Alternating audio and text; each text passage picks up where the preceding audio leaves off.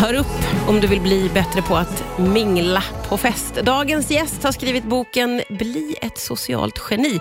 Välkommen hit Isabella Alveborg. Ja, men tack snälla. Alltså jag blir så nyfiken på, är du ett socialt geni? Eh, både ja och nej, skulle jag kunna säga. Hur kommer det sig att du har skrivit den här boken? Ja, men det är väl lite det att jag kände... Jag behövde ha en bok för mig. Det var det jag saknade, en bok för mig. Ja. Eh, och jag har ju läst retorik, jag har ju en filkand i retorik och bara kände att retorik handlar så himla mycket om, om presentationsteknik. Och absolut, det är jätteintressant, men det saknas ju de andra bitarna. Framförallt då hur man skapar förtroende, hur man är socialt engagerad och hur man då kan se när någon försöker övertyga eller övertala dig om någonting. Mm, ja, du, eh, du skriver ju, eller du inleder faktiskt boken med att retorik är det närmaste en religiös upplevelse som du har kommit. Ja. För, förklara det här för mig. Nej men det är, alltså det är helt sjukt. Eh, det närmaste jag kan säga är om en, filmen The Matrix Ja. eh, från 99 då. Eh, där Neo, nu kommer en spoiler här för alla som inte har sett The Matrix, men i slutet när Neo, huvudkaraktären, blir skjuten och han vaknar upp och så bara ser han hur allt bara hänger ihop, hur hela liksom, The Matrix hänger ihop med... Och det, så var känslan för mig när jag hade liksom läst mina tre år, bara retorik och förstod teorierna och sådär. Men när poletten trillade ner och jag kunde se i samhället de här olika strukturerna och ja, det var så sjukt. Det var, det var verkligen det närmsta en religiös upplevelse jag kan komma. Men vad är det i retoriken som är så mäktigt, tycker du? Ja, men för att man förstår strukturerna bakom någonting, bakom ett handlande eller ett agerande. Eh, och också att man kan sätta sig själv lite vid sidan av och tänka, det här handlar inte bara om mig, utan det är större makter som spelar in. Exempelvis om du skulle vara sur på mig nu Martina, så skulle inte jag så här, tänka så här, oj, har jag gjort någonting nu? Utan då kan jag sätta mig vid sidan av och tänka, jaha, nej men det är kanske någonting som har hänt. Ja, Eh, just det. Och att få ett lite större perspektiv Ja. på något sätt. Ja, det är ju alla betjänta av, kan vi slå fast direkt där. Du, eh, boken är ju uppdelad i fyra delar. Vad är det för delar du har fokuserat på? Eh, Jag fokuserar på dels grunden, börjar vi med grotta ner oss i retorik. Vad är retorik och sådär. Och sen går jag vidare till hur man skapar förtroende, vilket är då kärnan i boken. Eh, och sen går jag in på härskartekniker, maktstrukturer och sådana bitar som man kan lära sig att bemöta det genom just eh, de här retoriska metoderna som jag tar upp i boken. Mm.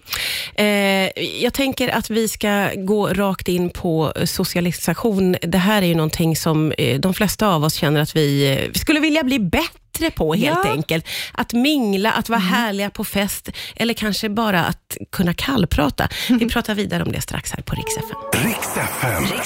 Det är Isabella Alveborg som gästar idag, aktuell med boken Bli ett socialt geni. Det här är ju någonting som många av oss är väldigt intresserade av att få ta del av. Och, eh, eh, du fokuserar en stor del av boken på eh, detta med att liksom vara i sociala sammanhang. För många av oss är det ju, Isabella, väldigt prövande att mingla. Varför tror du att det är så svårt för många av oss? Nej, men för det sitter ju en ganska stark press hos oss, att vi ska bli accepterade av gruppen. Det här är någonting helt grundläggande för individen, att har man inte gruppen så är man mer eller mindre död, för förut var vi jätteberoende av varandra. Och den här pressen sitter ju fortfarande kvar. Så därför blir det väldigt jobbigt, för det är väldigt höga eh, nivåer som, eh, som ligger Ja. på spel. Vad har du för grundläggande tips då, om man liksom vill eh, känna sig lite mer våghalsig i mingelsammanhang? Eh, ja, men mitt tips är såklart att lyssna. Att alltid lyssna. Alltså, du måste vara en aktiv lyssnare. Så att, lyssna på vad personen faktiskt säger. Eh, och Är vi dåliga lyssnare tycker du generellt? Ja, jag, jag tycker det just på grund av att vi, har, vi är i ett sammanhang där man ska stå ut så himla mycket, så är man väldigt fokuserad på att, på att få framställa sig själv i bra dagar. Eh, men du kommer ändå göra, du kommer skapa förtroende än mer om du lyssnar och sen ställer följdfrågor eller påståenden på det som personen precis har pratat om. Ja. Det där är ju ett bra första steg. Eh, k- För vissa kan ju det där vara liksom lättare sagt än gjort, upplever jag ju. Ja, gud ja. Eh, Men du skriver i boken att mingla, det är faktiskt en konst. På vilket sätt menar du? Ja, men det är en konst, och det, jag refererar till de gamla retorikerna här nu, men konst handlar ju om att det är någonting som man kan lära sig. Det vill säga att du kanske känner dig som en, som en grå kofta och är jätterädd, Men, men det går alltid att lära sig. Du kan alltid bli bättre. Mm. Och Det är där jag känner som att det är en, det är en konst. Vi utvecklas. Sätt små ribbor hela tiden, så kommer du hela tiden komma framåt. Man får helt enkelt öva sig lite. Ja. Eh, och Du ger ju lite tips på olika tekniker och annat. Bland annat så föreslår du att man ska låtsas vara någon annan. Hur långt kan man dra det? Man ska såklart inte dra det jättelångt, utan det här är en mental grej. Eh, om man själv känner att eh, man inte riktigt är på humör, men man måste gå på ett mingel där man Ja, man, måste, man måste helt enkelt gå på ett mingel. Och Då kan det vara skönt att känna så här, okay, vem kan jag eh, ta lite extra energi ifrån? Eh, jag själv använder Elizabeth Taylor som min eh, liksom, lilla energiboost. Hur har du valt henne? Nej, men hon, alltså hon är så fantastisk. Jag är ett stort fan av henne. Hon, hon har sån karisma och sånt go. Och jag bara tänker, kan hon kliva över scenen och bara lyfta en hand och bara champagne? Och, då kan väl jag också göra det? Åh, underbart. Ett, ett, ett kraftdjur som Ja. man ska ha med sig. Nej, men liksom. exakt, precis. Så att, men nej, du ska inte låtsas att du är då Elizabeth Taylor. Inte fullt ut. Ingen, det är halloween. Dra det inte för långt. Nej. Nej. För det kan bli väldigt märkligt. Men Ja. att du har lite energin av Ja, det. energin. Det är underbart tips. Vi pratar vidare strax här på Rix FM.